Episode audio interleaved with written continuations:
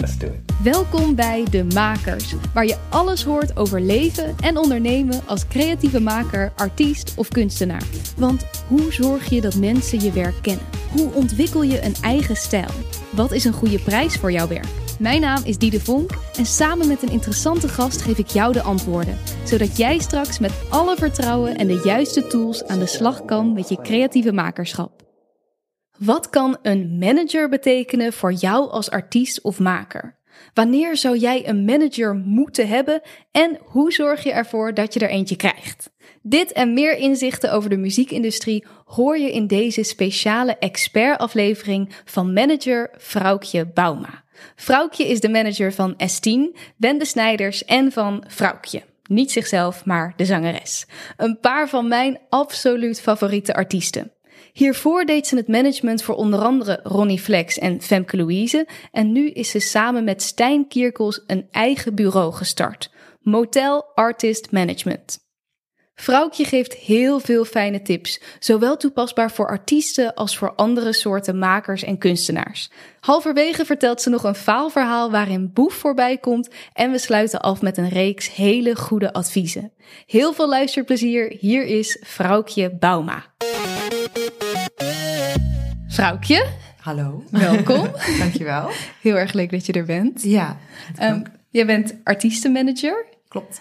Kan je in jouw woorden omschrijven wat dat betekent? Wat is dat? Nou, voor mij is dat dat ik een artiest begeleid in uh, eigenlijk alles wat er bij een carrière komt kijken. En ik begeleid vooral muzikanten, zeg maar echt muzikale artiesten. Um, dus dat gaat echt van het beheren van hun agenda's tot het uh, maken van uh, alle zakelijke afspraken, tot het strategisch adviseren, maar ook kleine dingen van ja, privé soort van mee, als ze liefdesverdriet hebben, dan bellen ze me Oh, ook. ja. En ja, maar ook zorgen dat ze op tijd worden opgehaald. Of dat, ja, het, is eigenlijk heel breed. Ook omdat, ja, de artiesten met wie ik werk zijn ook nog best wel jong. Dus komt dan ook best wel veel op je af als je een carrière hebt die succesvol is. Dus dan kun je eigenlijk niet alleen maar zeggen, je moet er zo laat zijn en zoek het uit. Dus maar heel veel inderdaad. Ja. Want als ik sommige artiesten over jou hoor, ik hoor altijd zo hele lovende dingen over manager, vrouwtje. Ja.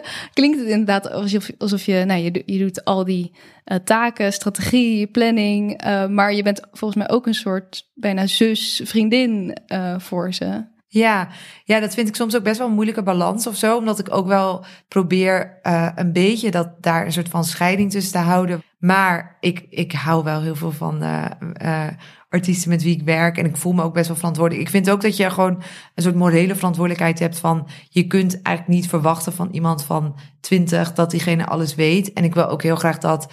Um, nou, met name vrouwtje en Estine, met wie ik dan nu uh, momenteel werk... dat, dat zij over tien jaar terug kunnen kijken op hun carrière en terug kunnen kijken naar de beslissingen die toen genomen zijn en het gevoel hebben van, ja, dat klopte gewoon en daar ben ik blij mee en dat het correct is en dat ze zich veilig voelen en dat uh, ze zich altijd kunnen uiten, omdat het toch wel, ja, ik, ik probeer dat wel erg te beschermen. Dus uh, uh, ja. Ja, een hele, inderdaad, een intense band. Um, ik wil het zo meteen zeker nog uitgebreid met je hebben over die beslissingen die je dan samen maakt en hoe, hoe je dan die keuzes maakt. Maar ik ben ook wel eerst even benieuwd naar jouw pad, hoe je uh, manager bent geworden.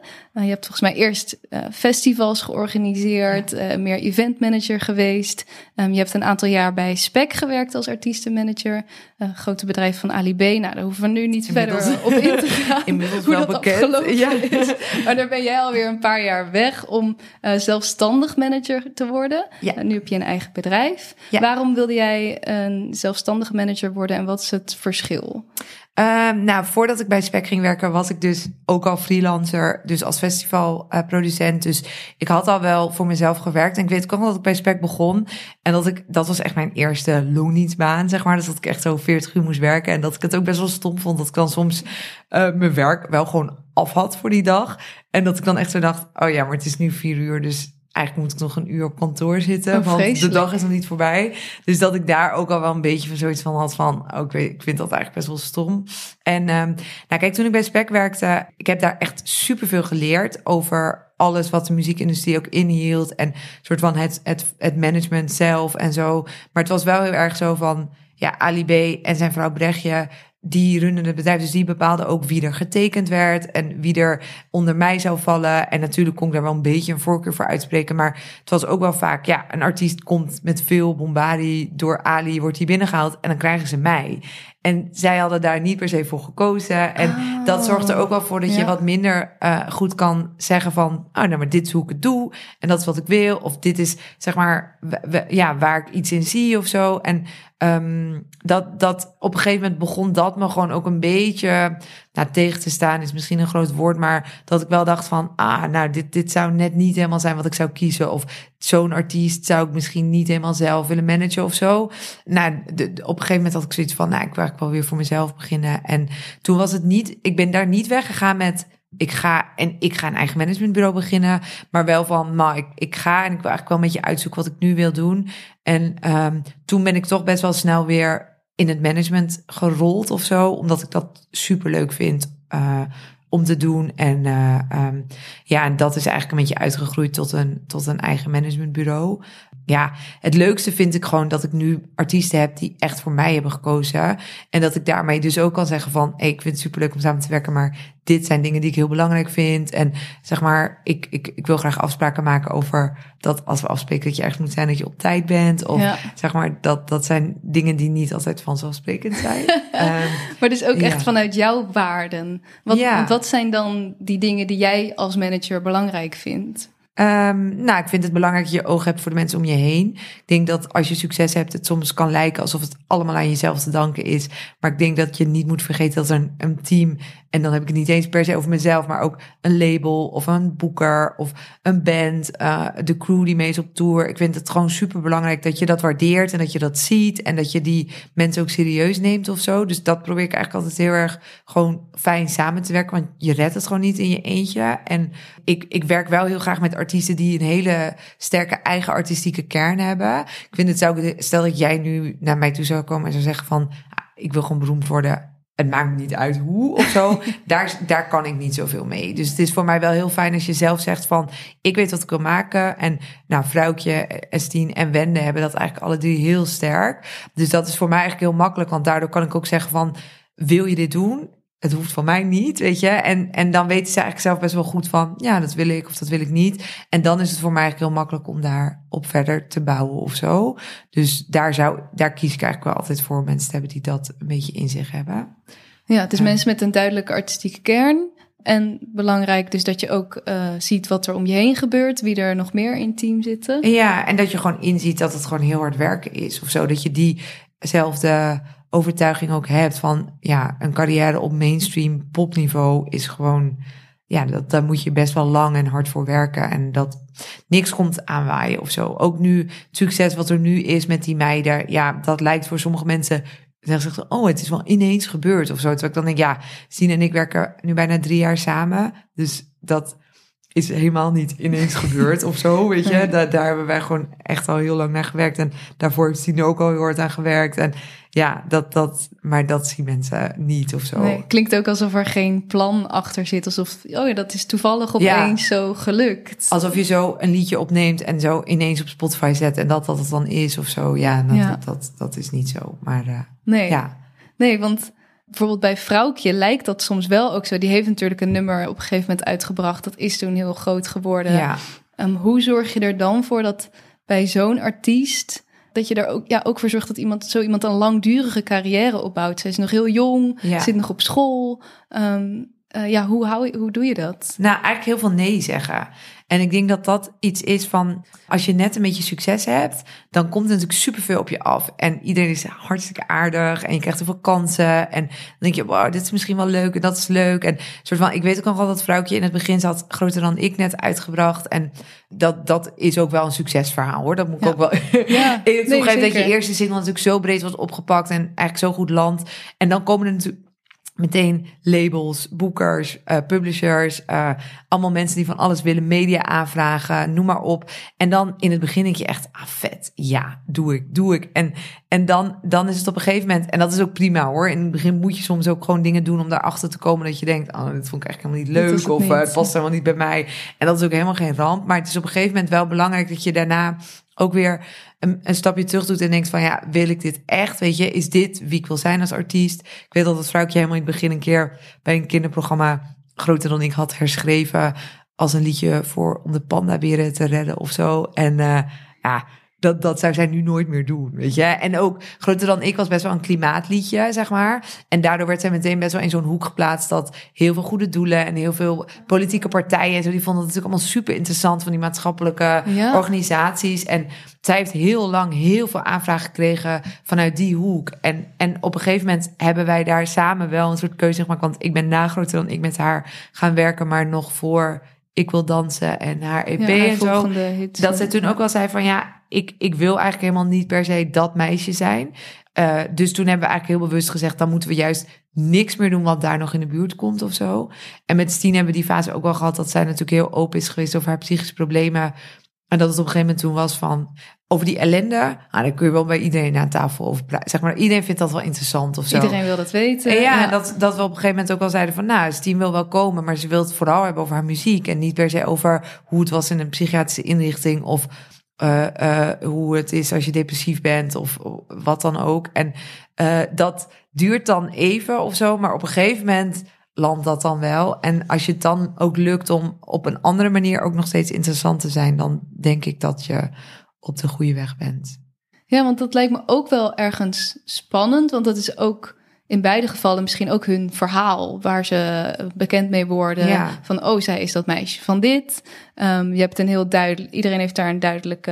Uh... Het is een heel duidelijk imago waar je heel makkelijk dingen aan, aan vast kan. Ja, absoluut. Kijk, en als vrouwtje had gezegd: Dit is wie ik ben, dat wil ik doen. Dan had ik ook gezegd: Oké, nou dan, dan is dat waar we omheen gaan bouwen. En dan moeten we kijken hoe we dat zo cool en credible mogelijk kunnen maken of zo. Een soort van, dat was ook oké geweest, maar het is niet, vrouwtje is veel meer dan dat. En dat is ook wel wat ik soms tegen media en andere mensen probeer te zeggen van, kijk, het verhaal van Steen en haar problemen, dat is natuurlijk een mooi verhaal, maar Steen is ook een meisje van 21 met wie het eigenlijk nu heel goed gaat. En ze is ook een meisje dat verliefd wordt en soms uh, heel erg dronken wordt en, en uh, houdt van uh, mooie kunst en houdt van winkelen en, en vreselijk grappig is en zorgzaam. Soort van, het is ook heel plat eigenlijk om iemand op één ding heel erg te, te beoordelen of zo. En ik denk ook dat zeker met artiesten die eigenlijk gaan voor een hele langdurige, duurzame carrière, moet je denk ik zo breed mogelijk inzetten op een soort van hele ronde.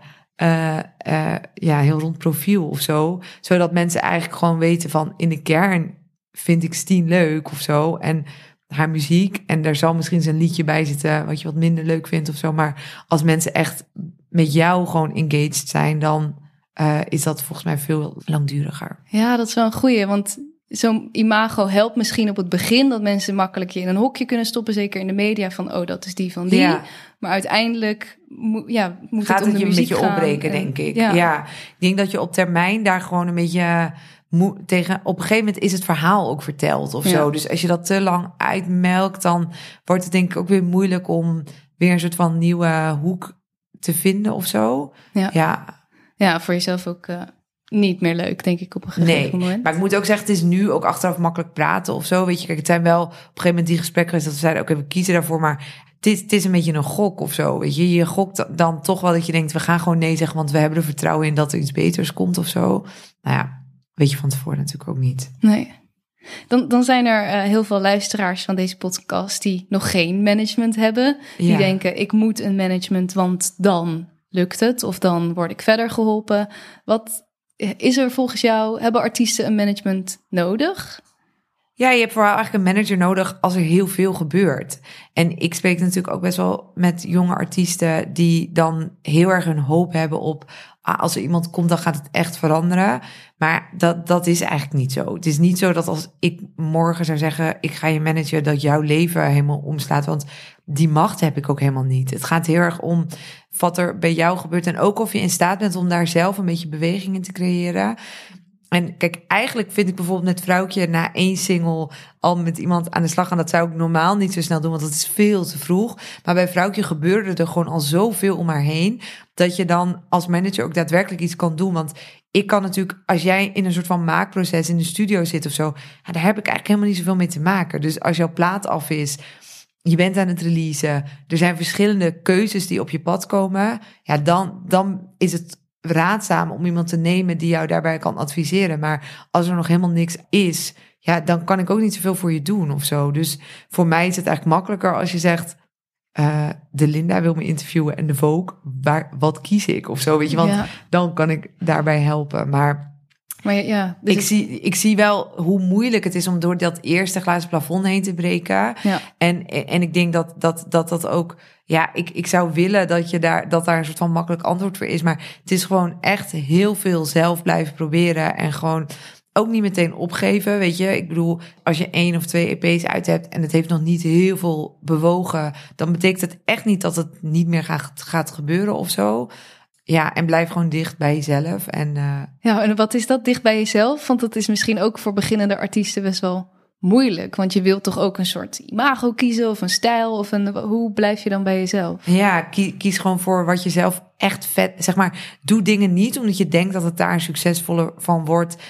Maar wat je eigenlijk niet zo leuk vindt. Want als het dan en niet succesvol wordt en je vindt het niet zo leuk, ja, waarom heb je het dan gedaan of zo? Ik denk, als je, kijk, uiteindelijk in, in de kern maak je ook kunst of zo. Dus je wilt gewoon kunst maken die jij wil maken. En je moet het niet doen omdat je denkt dat het succesvol wordt bij de ander. Je moet gewoon maken wat je wilt vertellen aan de wereld. En wat het mooiste is wat je kan maken. En het meest kwalitatief hoogwaardige. En dat is met zoveel zorg en aandacht door jouzelf gecreëerd.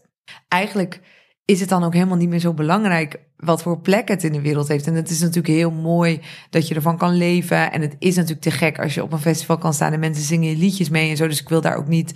Oh, daar gaat het niet om, want ik snap natuurlijk dat die honger en die wensen is. Ja, maar het is, maar het is wel. Het succes smaakt gewoon het zoetste als het is met iets wat echt van jou is. En waar je gewoon over, over tien jaar nog steeds blij mee bent, omdat het gewoon is wie je bent of zo.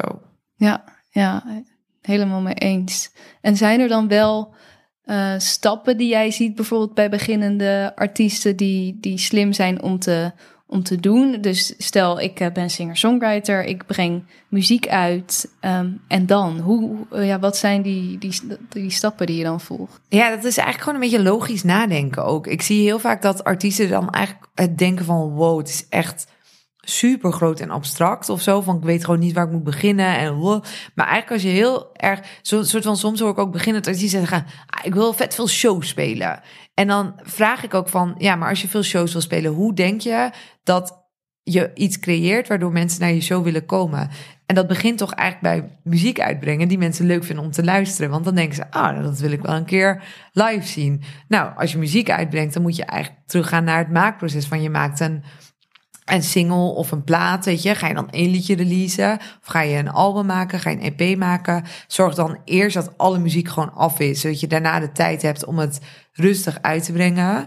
Denk dan ook na van, ga ik elke week iets uitbrengen? Of doe ik elke maand of elke twee maanden een single? Zodat je gewoon een beetje iets kan opbouwen. Dat je het ver, ja, verspreidt. Ja, en ook van die kleine dingen, soort van in de zomermaanden iets uitbrengen heeft gewoon niet veel zin. Veel mensen zijn op vakantie, weet je. Mensen zijn met andere dingen bezig.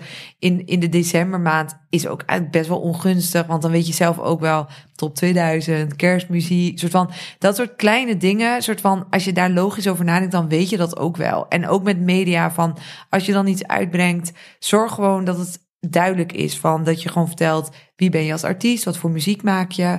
Ook soms zie ik beginnende artiesten die maken dan echt, die willen dan echt een heel flitsend verhaal ervan maken. Mm Terwijl ik dan denk, ik zie heus wel als buitenstaander dat je nog geen Billie Eilish bent. Maar dat is ook helemaal oké of zo, weet je. Een soort van het feit dat ik jou niet ken, is dat hoef je niet te doen alsof je wel gewoon overal staat en dat het een mega succes is. Want dat is best wel raar, want dan zou ik het waarschijnlijk wel gekend hebben. Dus wees gewoon eerlijk en zeg, nou, ik ben beginnend muzikant. Dit is de eerste single van mijn, van mijn nieuwe EP. Het, de muziek gaat over. En maak het ook niet te complex. Sommige mensen maken het ook echt een soort van. Ah, het is een eclectische mix van dit en dat. En het lijkt op dit. En dan ik echt denk, ja, ja weet je, waar gaat dit nou over? Wees gewoon een beetje uh, ja, uh, um, gewoon een beetje duidelijk en, en helder. En ook met media van begin gewoon bij dingen die je kent of zo. Weet je, zijn er regionale media die wel eens iets over je hebben geschreven? Of is er een haakje waar je iets mee kan doen? Of soort van, ja, maak het ook allemaal niet te ingewikkeld of zo. Ik bedoel, de kans is klein dat je meteen bij Jinek aan tafel kan. En Mhm. dat is ook helemaal niet erg of zo. Van, het is toch ook gewoon prima om te beginnen met eh drie voor twaalf regionaal of, of Ja. dat soort dingetjes. Het rustig op te bouwen. En ja, en ook bijvoorbeeld als je dan meedoet aan de popronde, nou dan is het ook handig om rond die tijd iets van muziek uit te brengen. Want dat is in die samenstelling een, een mooie combinatie of zo. En ik denk dat artiesten daar vaak veel te ingewikkeld over denken en daar een beetje in vastlopen.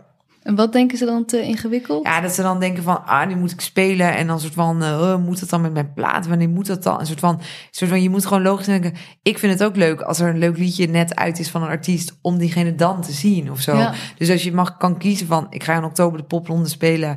eh, zal ik dan mijn singles nu voor de zomer droppen of rond de popronde? Dan zou ik altijd zeggen, doe het dan rond de popronde. Want dan heb je ook naar de media een beetje een verhaal van, en ik speel shows en ik heb eh, muziek uit, weet je dan. muziek uit, ja. En dan wordt het ook een beetje een soort sneeuwbal waarbij het wat meer kan worden. Ja, ja, dus denk daar wel tactisch over na. Maar Ja. ook gewoon ja, enigszins logisch. Ja, kijk, je moet gewoon nadenken, heb ik iets te verkopen? En dat doen we nu, doe ik nu met mijn eigen artiesten ook. Van Wende, Stien en Vrouwtje, ah, die kunnen altijd wel overal komen zitten. Weet je, iedereen, eh, als ik nu, eh, en, en niet om, het klinkt misschien een beetje opschepperig, maar meer zo van, dat is gewoon hoe het werkt met media. Weet je, op een gegeven moment als je een beetje, nou, een BN'er bent of zo, dan, ah, dan kun je, of je hier wel over komen praten en daar wel over komen praten. En soort van, ja, wij sparen dat gewoon altijd heel erg op als we zelf iets te verkopen hebben. Binnenkort komt er weer een nieuwe single van Steen. Nou, dan willen we best wel media doen, want dan is het in ons eigen belang. Maar als ik nu ineens zo drie weken voor een single ga zeggen, oh nou, we komen daar langs en daar langs, en dan tegen de tijd dat de single uit is, dan zeggen ze ja. Ze is net net nog gehad. geweest, Ja. weet je, we, daar hebben we nu niet zoveel ruimte voor. Dus het is ook gewoon een beetje logisch nadenken van wat heb je te verkopen en wanneer kun je dat het beste doen. Ja. Voor we verder gaan. Een podcast die ik zelf super graag luister is Musical Ik Vind Hier Iets Van van Benno Hoogveld en Annemiek Lely. Ze praten je in elke aflevering bij over een musical en gaan daarbij echt inhoudelijk de diepte in. Annemiek is theaterwetenschapper en Benno is regisseur en oud musicalster. Dus ze weten waar ze het over hebben, leggen interessante lagen bloot, delen de beste feitjes en anekdotes en ze zijn ook nog heel leuk en gezellig. Dus als je straks deze aflevering af hebt, check dan ook eens Musical Ik Vind Hier Iets Van.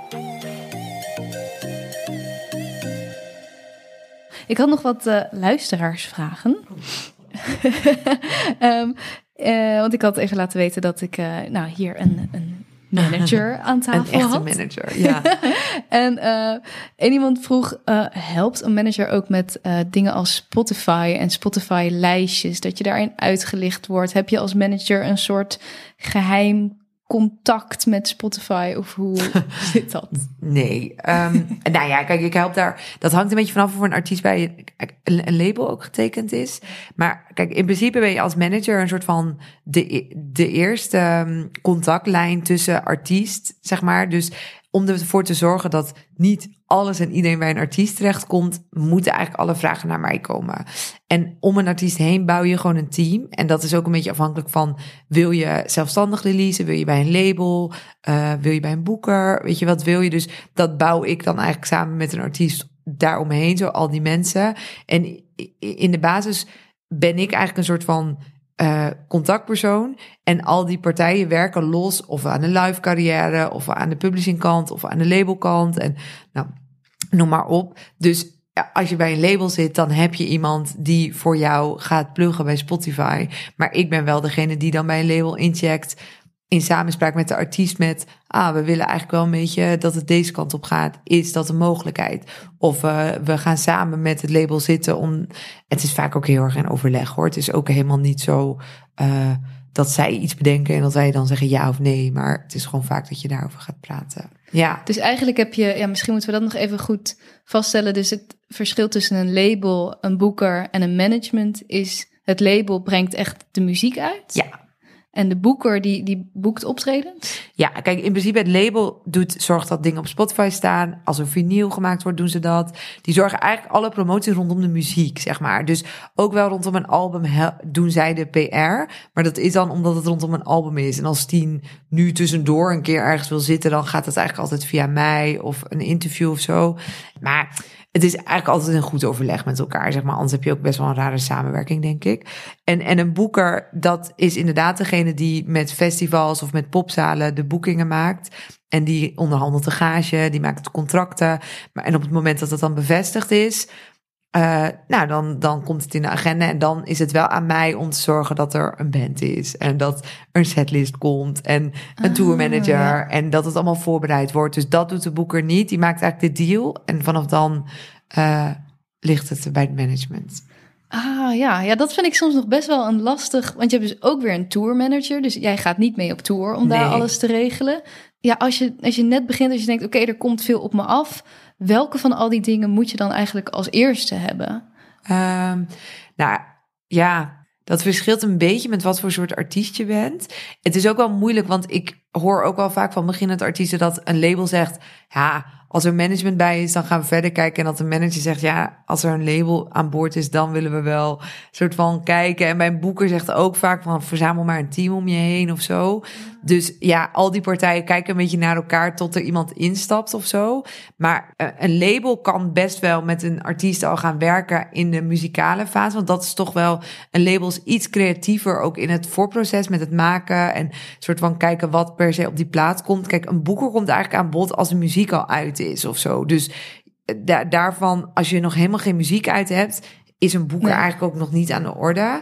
En een manager is eigenlijk een beetje de schakel in dat proces van dat er een label is en dat er dingen gebeuren. Maar um, Ah, kijk, het is ook een beetje zo'n American Dream dat je dus als heel beginnend artiest wordt getekend bij een groot label en zo.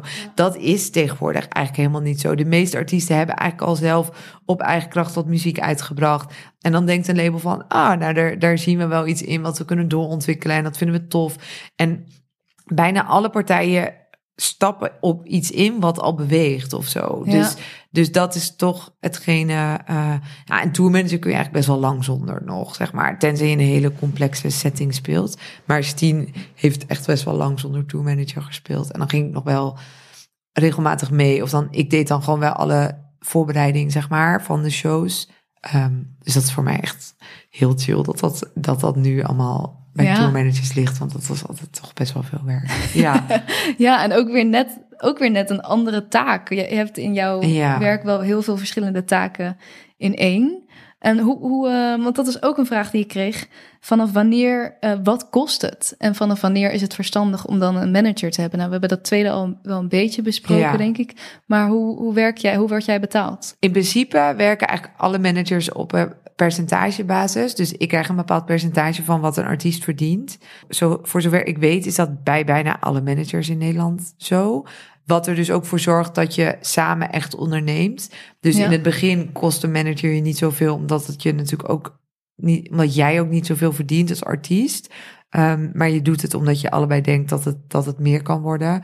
Uh, ik denk ook persoonlijk dat het wel de meest werkbare manier is. Want als beginnend artiest heb je helemaal niet het geld om iemand een maandelijks bedrag of zo te betalen. En als het succes. Ik voel me daardoor ook heel erg eigenaar van het laten lukken of zo. Want ja, dat, daar is mijn inkomstenbron bron ook van afhankelijk of zo. Weet je? Dus ik denk wel dat het een, een goede manier is om samen een soort van hard te werken aan het succes of zo. Het is ook de artiest met wie ik nu werk, daar gaat het heel goed mee. En dat is helemaal te gek. Maar ik heb met ook best wel veel artiesten gewerkt met wie het dan, nou, toch niet helemaal lukt. Of dat je soort van toch niet helemaal de match bent die je denkt te hebben. En soort van, ik heb best wel met veel artiesten dat kan een jaar of zo heb gewerkt. En dat het dan net niet helemaal van de grond komt. En een manager, echt een langdurige manager hebben of zo. Daarvoor moet je ook best in een segment zitten als artiest dat dat er gewoon best wel omzet moet zijn, weet je. Dan moet je eigenlijk jezelf al echt goed van kunnen onderhouden dat je het geld hebt om, om iemand een soort anders, van tweede persoon naast je te hebben staan die eigenlijk een soort van zakelijk directeur van jouw bedrijf is. Want eigenlijk ben je zelf een soort van artistiek leider en ben ik de zakelijk leider. Dus daar moet je al best wel wat omzet voor draaien om dat te doen. Of iemand moet het helemaal te gek vinden of daar niet zoveel om geven of zo. Ehm, en zeker met de aandacht die ik. Kijk, ik manage drie artiesten. Dus dat, dat, is dus eigenlijk uit elke artiest zou ik een derde van mijn inkomen eigenlijk moeten halen. Dus Ja. als er dan nou één artiest bij zou zitten waar ik niks aan verdien, dan zouden die andere twee daar wel zoveel voor moeten compenseren dat dat niet kan. Kijk, als ik zou zeggen, ja, ik zou tien artiesten managen, dan is die druk misschien ook wat minder groot. Maar ja, dan moet je ook je, je week in tienen delen, zeg maar, om dat te kunnen betalen. Mhm. Maar ik, ja, ik heb, ik, zeg maar, ik begin altijd met een artiest omdat ik het gewoon tof vind, of ik erin geloof. En ja, soms lukt dat niet. En dat is echt van zoveel factoren afhankelijk. En dat zegt eigenlijk ook helemaal niks of het artistiek vet is of niet. Maar nou, als het na een jaar gewoon nog niet helemaal enig uitzicht is op dat er Dat iets gaat iets komen. gaat komen, dan, dan zeg ik wel eerlijk van misschien is dit het dan ook niet of zo. Ja, dan neem jij wel afscheid. Ja, het is ook wel moeilijk hoor. Als je drie jaar lang voor niks of zo, dan soort van ja. Tuurlijk. Ja. En het is, het is ook wel gewoon een beetje zo. Op een gegeven moment moet het ook wel een beetje gaan gebeuren, zeg maar. Ja. En dat, dat, dat is een soort van. Ja, natuurlijk moet je lange adem hebben. En, maar als je alles eigenlijk goed hebt gedaan en, en het gaat en het wordt gereleased en er gebeurt weer niks en er gebeurt weer niks of zo, dan is het op een gegeven moment ook wel, wel moeilijk om dan te zeggen: Oké, en dan gaan we dit proberen, dan gaan we dat proberen. Zeg maar, dan, en dan is het soms ook juist misschien een nieuwe manager die er weer met hele frisse ogen naar kijkt en van zegt: van, Oh, nou, maar ik denk dat we dit moeten doen of ik heb er heel veel zin in. Ja, dat, dat gun ik iedereen wel of zo. Ja, die frisheid. En dat, dat percentage, waar ligt dat ongeveer tussen? Wat is een normaal percentage voor een eh, manager? 15 of 20 procent daartussen een beetje. Ja. ja. Want hoe weet je nou dat je, ehm, stel je bent op een punt dat er veel gebeurt, je denkt, nou, ik wil dat proberen met een manager. Hoe weet je nou dat je een goede hebt? Eh, dat je niet, want je hoort ook wel eens verhalen over geldwolven. Of ik heb soms ook een beetje een beeld van een manager, iemand die niks zit te doen en eh, toch een percentage pakt. Ja, hoe, hoe zorg je dat dat je niet overkomt? Eh, nou, ik, zei, ik zei, vind sowieso eigenlijk goede managers proberen het eerst met een artiest of zo. Dus ik vind je moet sowieso niks tekenen, want het is echt zo'n persoonlijke relatie die je samen hebt. Ja. Dus ik, ik, ik doe zelf altijd met artiesten dat ik gewoon zeg, nou, zullen we eens een poosje met elkaar eh, gewoon even kijken of het klikt. Ook voor mij of zo. Van, het, is, het, is, het is ook voor mij best een persoonlijke relatie die ik moet aangaan. En ik moet daar wel zin in hebben om daar dan hard voor te werken en dat dan op te brengen. En als iemand gewoon ongelooflijke zeikert blijkt te zijn, of gewoon een heel ingewikkeld persoon of zo, ja, dan, dan wil ik dat ook niet doen of zo. Dus. Mhm. eh, ik zou altijd een soort van proefperiode aangaan van Ja, dus een paar maanden of zo. Nee, vast, eh. ik zou dat ook heel raar vinden als een, als een manager meteen zegt: eh, je moet nu tekenen. Ook omdat er die eerste maanden vaak ook helemaal niks verdiend wordt. Dus waarom zou je dan meteen een contract moeten tekenen? Ik zou gewoon zeggen: van joh, laten we het drie maanden proberen en dan even kijken of het klikt en of we het allebei leuk vinden. En als iemand dan al zegt: nou nee, dat wil ik, ik wil dat je nu tekent, ah, dat, dat zou, dan zouden bij mij de alarmbellen eigenlijk al afgaan. Dan zou ik denken: ja, dat is best wel raar. Ja, dat klopt niet. Nee. En verder is het dus echt ook een gevoel, een persoonlijke band. En het zal ook wel verschillend zijn per artiest wat diegene nodig heeft. Ja, denk ik ook. Kijk, ik ben natuurlijk een, een vrouw, dus ik denk ook dat het voor. eh, toevallig manage ik nu alleen maar vrouwen hoor. Dat is niet een soort van hele bewuste overweging geweest. Maar ik denk wel dat het voor vrouwtje en team fijn is dat ik snap dat. eh, het soms vervelend is om je te moeten omkleden in een ruimte waar een heleboel mensen staan. Of dat als je ongesteld bent, dat dat een beetje stressvol kan zijn. Eh, eh, als je dan ook nog een fotoshoot hebt. Of eh, dat, weet ik veel, bepaalde dingen. dat is ook het zijn echt wel super cliché voorbeelden. Maar meer zo van, ik weet niet, mijn belevingswereld zit natuurlijk best wel dicht bij hun Mhm. of zo. Dus ik, ik, ik ben heel vertrouwd met hun. Dus ik kan me voorstellen dat dat fijn is. Maar ja, er zijn ook mensen, er zijn gewoon echt hele andere behoeftes per artiest van wat een artiest wil. En ik manage bijvoorbeeld geen bands. Dus ik kan me ook voorstellen dat er manage, of tenminste, er zijn gewoon managers die daar veel beter in zijn dan ik. Want je moet dan ineens met vijf personen en belangen of zo. Kijk, dat is voor mij best wel lekker. Ik heb gewoon met één persoon te maken en die moet, die moet blij zijn of zo. Ehm, en sommige managers zijn bijvoorbeeld wat zakelijker. Ik denk niet dat ik de hardste onderhandelaar ben. Dus eh, als je echt overal het meeste geld uit wil halen, dan eh, zijn daar ook hele andere managers voor die daar super goed in zijn. Dus eh, ja, het, het, is, het, is, het is heel erg qua behoefte en gewoon qua persoonlijke klik. En dat je echt het gevoel hebt van, kijk, ik kan nog wel honderd mensen gaan managen in mijn leven. En ik kan ook nogal ineens besluiten dat ik een eh, hostel op Bali ga openen. En soort van, ik kan echt alles gaan doen. En like, voor mij maakt dat niet uit. Maar als artiest heb je gewoon één carrière, je hebt één soort van Mm. droom of zo. Dus je moet dat je wel heel goed realiseren van het is jouw carrière en jij hebt maar één kans om dat te doen. Dus je moet dat wel met mensen doen waarbij je het gevoel hebt dat ze dat voor jou kunnen waarmaken. En niemand gaat je carrière zo belangrijk vinden als jij zelf of zo. Want ik ben hartstikke invested in Ja. wat Stien en vrouwtje en Wende doen. Maar aan het eind van de dag zou ik dus ook gewoon morgen kunnen zeggen, ja, ik stop of zo. Ehm, dat ga ik niet doen. Maar dat, het is niet van mij of zo. Ik zou nog een ander leven kunnen hebben. Voor Stien is er geen ander leven mogelijk dan dit of zo. Ja. Zij is gewoon geboren om artiest te zijn. En dat, ja, dat hebben Wende en vrouwtje eigenlijk ook. Ja. Ja, dus het is. Ja, je gaat echt wel een, een levenskeuze met iemand Mm. aan, dus in die zin. Ja, het is een beetje verkering nemen. Ja. En dus dus, dan moet je eerst even daten voordat je verkering Precies, neemt. even wat Ja. uitproberen voordat Ja. je settelt. Hey, ehm, ik eh, heb altijd een vast segment en dat is het faalverhaal. Ja. Ehm, eh, ja, een, een moment in jouw carrière dat je dacht, oh, dit gaat helemaal mis. Of ik heb de verkeerde keuze gemaakt. Ehm, nou, waar je nu misschien eh, op terug kan kijken en iets van hebt geleerd of om kan lachen. En wat was dat eh, bij jou? Ehm, nou, ik denk eigenlijk de grootste faal die ik in mijn carrière heb meegemaakt... is dat ik toen bij Spec eh, werkte en met Boef, dat Keg-schandaal. Oh, was jij toen Ik was niet zijn directe manager, maar het was wel... Nou, ik, ik, ik bedoel, het was ook een klein bedrijf, dus we waren allemaal er wel bij betrokken. En eh Brechtje en Ali waren ook op vakantie op dat moment. Hm. Ehm, dus ik, ik zou niet per se zeggen, nou, het is echt makkelijk me ervan afmaken, maar ik, het is niet per se mijn val, want het is wel echt een mediaschandaal waar Ja. ik echt super veel van geleerd heb. En eh, dat was, nou, dat is echt alweer jaren geleden, maar Boef had toen oud en nieuw Mhm. en toen had hij autopech gekregen onderweg met zijn DJ, want hij had allemaal shows of zo. En toen waren ze opgehaald door wat meiden. En toen zei hij, ja, ik zit hier ineens in een auto met keggies. En nou ja, dat is een beetje straattaal voor, ja, sletjes of zo. Ehm, en eh, dat viel gewoon heel verkeerd. Ah, bij Spec in die tijd moet ik wel een soort van context geven. Ik, het was echt zo'n absurde tijd, want hiphop was echt ontploft, zeg Ja. maar. Eh, die. New Wave plaat was een, een soort van eh, een poosje uit. En Ronnie's album was uit. En Boef had slaaptekort uit dat album. Het was gewoon, ook met hiphop, alles wat uitgebracht was, werd een hit. Het, Ja. het kon niet op, weet je, miljoenen streams. Het, het geld klotste tegen de plint omhoog. Dus die jongens waren ook helemaal een soort van alle realiteitszinnen Ja. eigenlijk verloren. Of het was gewoon echt voor hiphop de gouden tijden. Eh, maar er gebeurde daar ook bij Spec ook altijd heel veel. Want het was ook wel zo, ik kwam op kantoor en elke dag dacht je, nou, wat zou er nu weer gebeurd zijn? Dus toen gebeurde dat met Boef. En toen heb ik daar ook nog wel een beetje om gelachen. Want Boef was ook best wel vaak een beetje provocerend op Insta. Dat ik toen dacht, oh my god, zit hij nu weer haha of zo. En toen werd ik best wel gebeld door, nou, Shownieuws, Boulevard.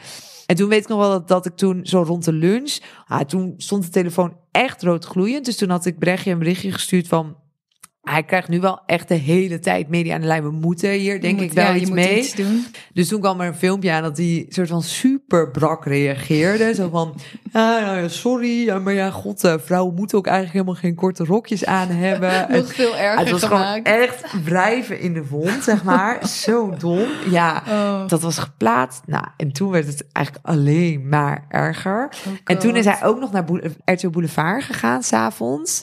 Ik heb daar gewoon heel erg van geleerd van... ehm, eh, je moet gewoon niet in zo'n wond gaan zitten wrijven, weet je? Een soort van, wij hadden eigenlijk op dat moment gewoon in alle rust, want Boef was natuurlijk ook ah, fucking dikke kater en het was, hij was hoog in zijn emotie. En ook bij Boulevard zat hij best wel Oh ja, in de emotie, een soort van dag. verdedigen, een soort Ja. van. En toen werd het debat gewoon steeds verhitter en verhitter. En op een gegeven moment was er echt ook op Twitter eigenlijk niemand meer die het voor hem opnam. Weet je, het was echt, mensen waren zo boos.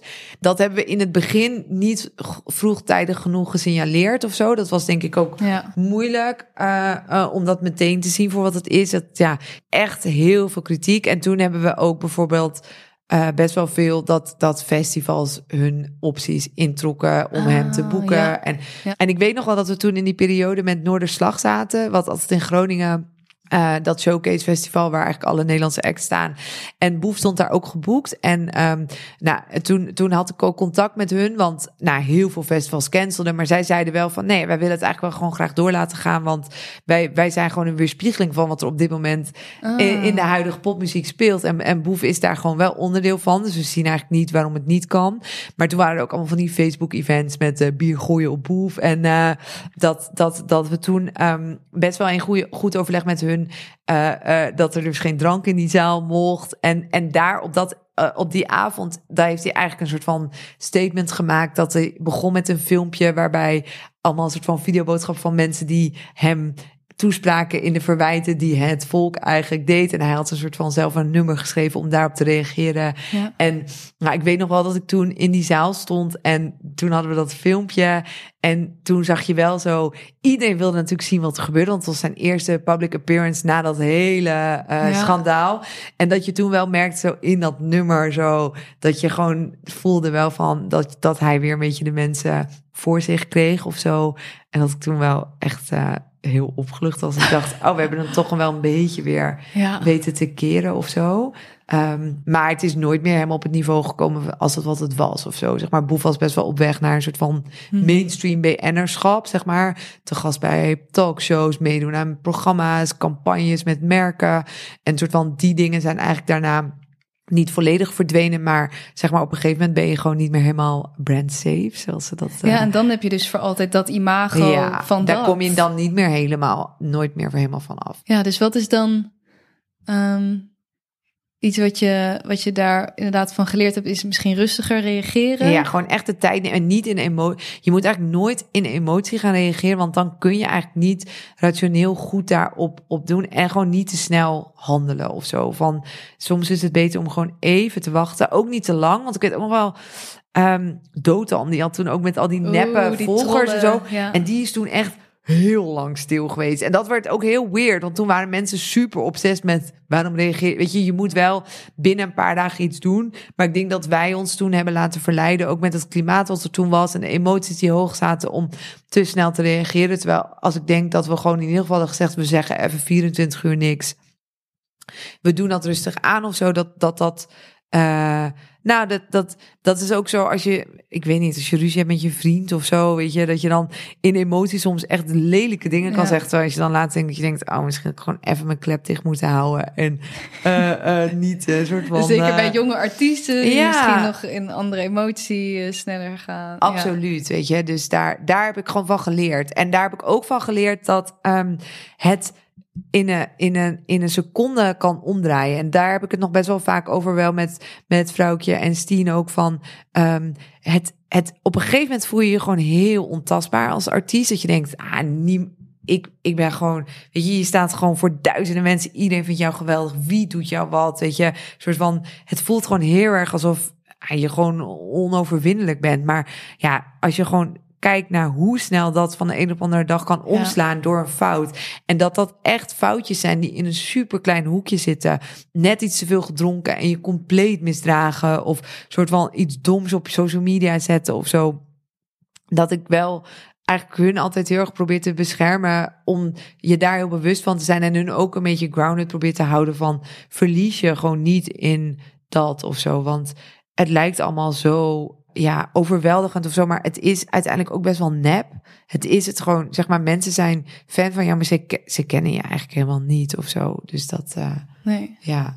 Maar ik heb daar heel veel van geleerd, ja. Ja, heel gezond lijkt me dat ook om mensen inderdaad uh, dat, dat, dat, ja, bij te brengen. Ja, het is gewoon niet vanzelfsprekend, het succes. En ook de gesprekken dus met jonge artiesten die daar nog niet zijn, die laten mij ook altijd wel weer inzien dat het, dat het het feit dat het lukt om soort van te kunnen leven überhaupt van je muziek is al echt soort van meer dan 99% van de muzikanten heeft of zo. En soms kan je echt zo kijken en denk ik, oh, oh, Antoon verkoopt twee keer de Ziggo Dome uit. Zeg maar dat je dan, en niet vanuit een jaloerse manier, maar dat je dan wel denkt van, oh, maar wij moeten dan ook misschien beter dit of beter. Terwijl ik dan ja, als ik dan denk van ja, als je achterom kijkt, zie je eigenlijk nog veel meer mensen die niet hebben wat jij hebt of zo. Dus um, Ja, Ja, want jullie eh, eh, bij jullie eh, bedrijf, Motel, spreken jullie ook regelmatig de wat jongere artiesten die nog niet, nog niet zo ver zijn. Ehm, die mogen bij jullie soms op spreekuur komen. ja. Wat voor vragen stellen ze dan vooral? Ehm, ja, heel, heel divers of zo. Ehm, het is ook best wel leuk. We komen ook wel mensen die in de industrie willen werken en zo. Weet je, iedereen is gewoon welkom. Voor de mensen die luisteren en het leuk vinden om te komen, het staat op onze website. En of eh, via onze Instagram kun je het ook wel vinden. Eh, eh, we hebben één keer per maand, de derde dinsdag van de maand, altijd spreekuur. En dan kun je gewoon gratis drie kwartier met mij of met mijn compagnon Stijn praten. tof. We hebben nu even zomerstopt, eh, maar in september zijn we terug. Ook best een investering vanuit jullie om dan. Ik kan wel één dag van mijn tijd per maand weggeven om, eh, om in, ook aan de sector, denk ik, een soort van kennisopbouw of zo bij te dragen. Maar ja, het is, het is heel uiteenlopend. Het is ook altijd super leuk om te zien wat voor mensen op afkomen. En mensen doen ook moeite, weet je, ze, ze, ze komen naar ons toe. Ze hebben zich vaak al best wel lang van tevoren ingeschreven. Dus je merkt ook heel erg van, ik doe ook wel eens van die demo panels of zo. En dat is vaak dan zo 10 minuten speed daten. En dan weet je eigenlijk helemaal niet wie er tegenover je zit. Dus dan is het gewoon best wel moeilijk om een soort van goed inhoudelijk gesprek te krijgen. Maar hier hebben mensen eigenlijk al best wel goed bedacht wat ze van mij willen of zo. En dat, hel dat maakt het voor mij ook veel makkelijker. Maar ik had laatst bijvoorbeeld een meisje en die had dan bijvoorbeeld een biografie. En dan zei ze, nou, ik heb drie biografieën geschreven. Welke vind je het beste? Ja, dat is voor mij zoveel makkelijker Ja, en zinvoller om te feedbacken dan wanneer je zegt, wat moet er in een biografie? Weet je, ja, soort van, dus ik zou dan ook zeggen, als je ooit mensen om hulp wil vragen uit de muziek, zeg maar, probeer het zelf al heel ver af te maken en vraag dan, oké, ik heb drie persfoto's, welke is het beste? Of wat, weet je, wat vind je belangrijk om in de biografie te zetten? Of ik heb een lijst gemaakt van media die ik wil benaderen. Wat vind je ervan of zo? Want heel vaak zijn het hele open vragen.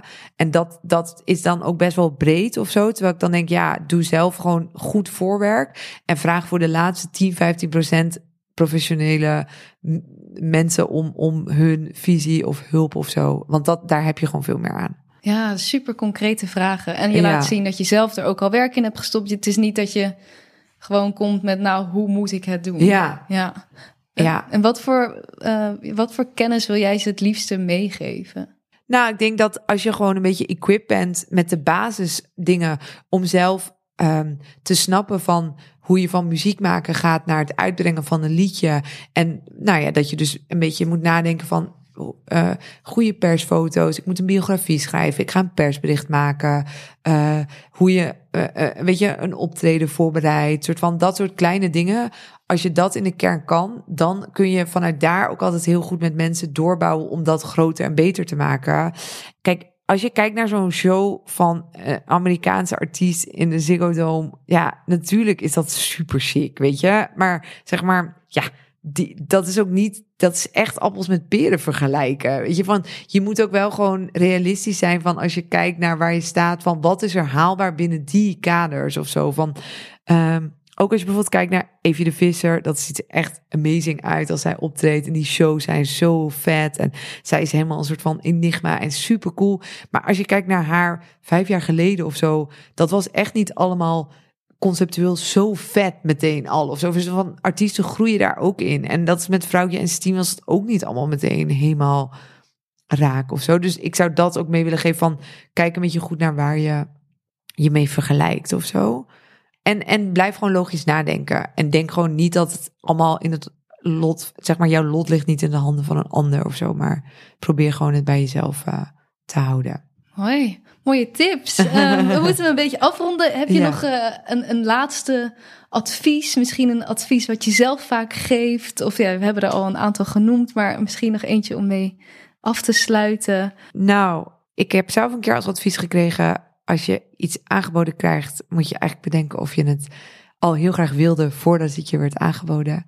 En als dat niet zo is, dan moet je het niet doen. En eh, daar denk ik eigenlijk best wel vaak aan. Dat je gewoon eh, heel goed moet blijven nadenken van wie ben ik en wat wil ik nou zelf. En probeer ook een beetje te genieten van alles wat je doet. Want als je altijd alleen maar dingen maakt met het oog op, oh het is nu nog niet succesvol, het is nog niet leuk genoeg.